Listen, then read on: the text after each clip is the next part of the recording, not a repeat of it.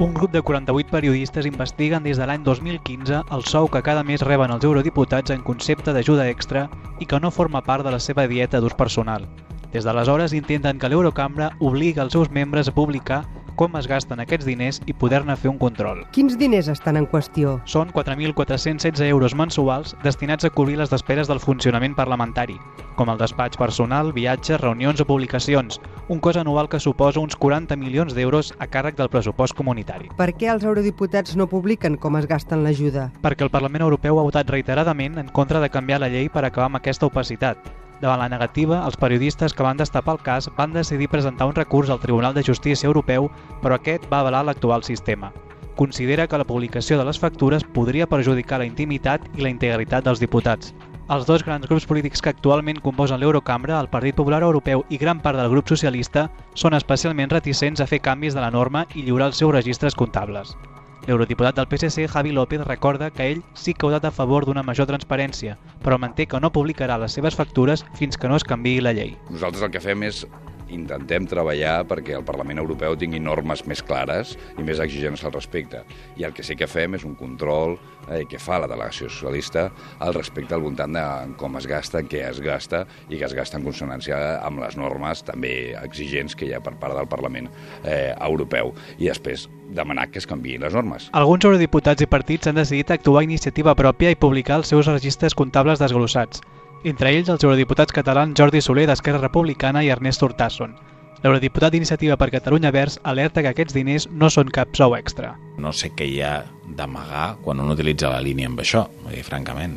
Eh, crec que es, poden perfectament publicar i després hem d'oblidar que, que estem parlant de diners públics i amb els diners públics s'ha de ser super i crec que els ciutadans tenen dret a saber com es gasten aquests diners. No se li està demanant a cap parlamentari que expliquin què es gasta el seu sou. La pressió dels periodistes va fer que el grup dels Verds europeus obligués per escrit a tots els seus membres a guardar els rebuts de tot el que gasten d'aquesta partida. La periodista grega Maria Tessara, impulsora de la investigació, explica les dificultats que es van trobar quan van començar a investigar les ajudes. Vam intentar obtenir algunes respostes sobre els subsidis. Vam mirar de tenir accés als rebuts i a qualsevol comprovant, però el 99% de les respostes van ser negatives. Tessara creu que ara els esforços s'han de centrar en la pressió pública sobre els partits. Penso que la pressió pública és molt important. El fet que mitjans de tota Europa s'interessin per aquesta qüestió és important per als ciutadans, que demanen cada vegada més transparència i justícia. La investigació del grup va trobar 249 oficines fantasma on els diputats no hi tenien cap despatx ni podien demostrar cap adreça real.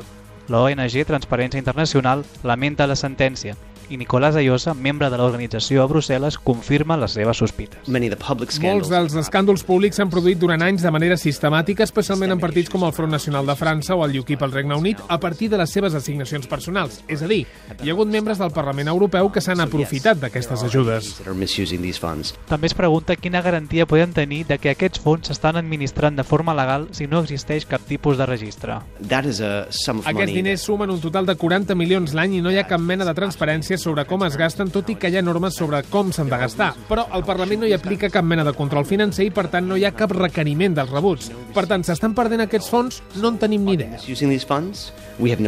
Aquesta ajuda és l'única despesa que gestiona el Parlament Europeu de la qual no se'n fa cap control. Les eleccions del maig vinent obligarà els partits a posicionar-se davant una ciutadania que reclama cada vegada més transparència. És un reportatge de Marc Larroia, muntatge tècnic de Jordi Galbany, disponible al podcast de Mapamundi.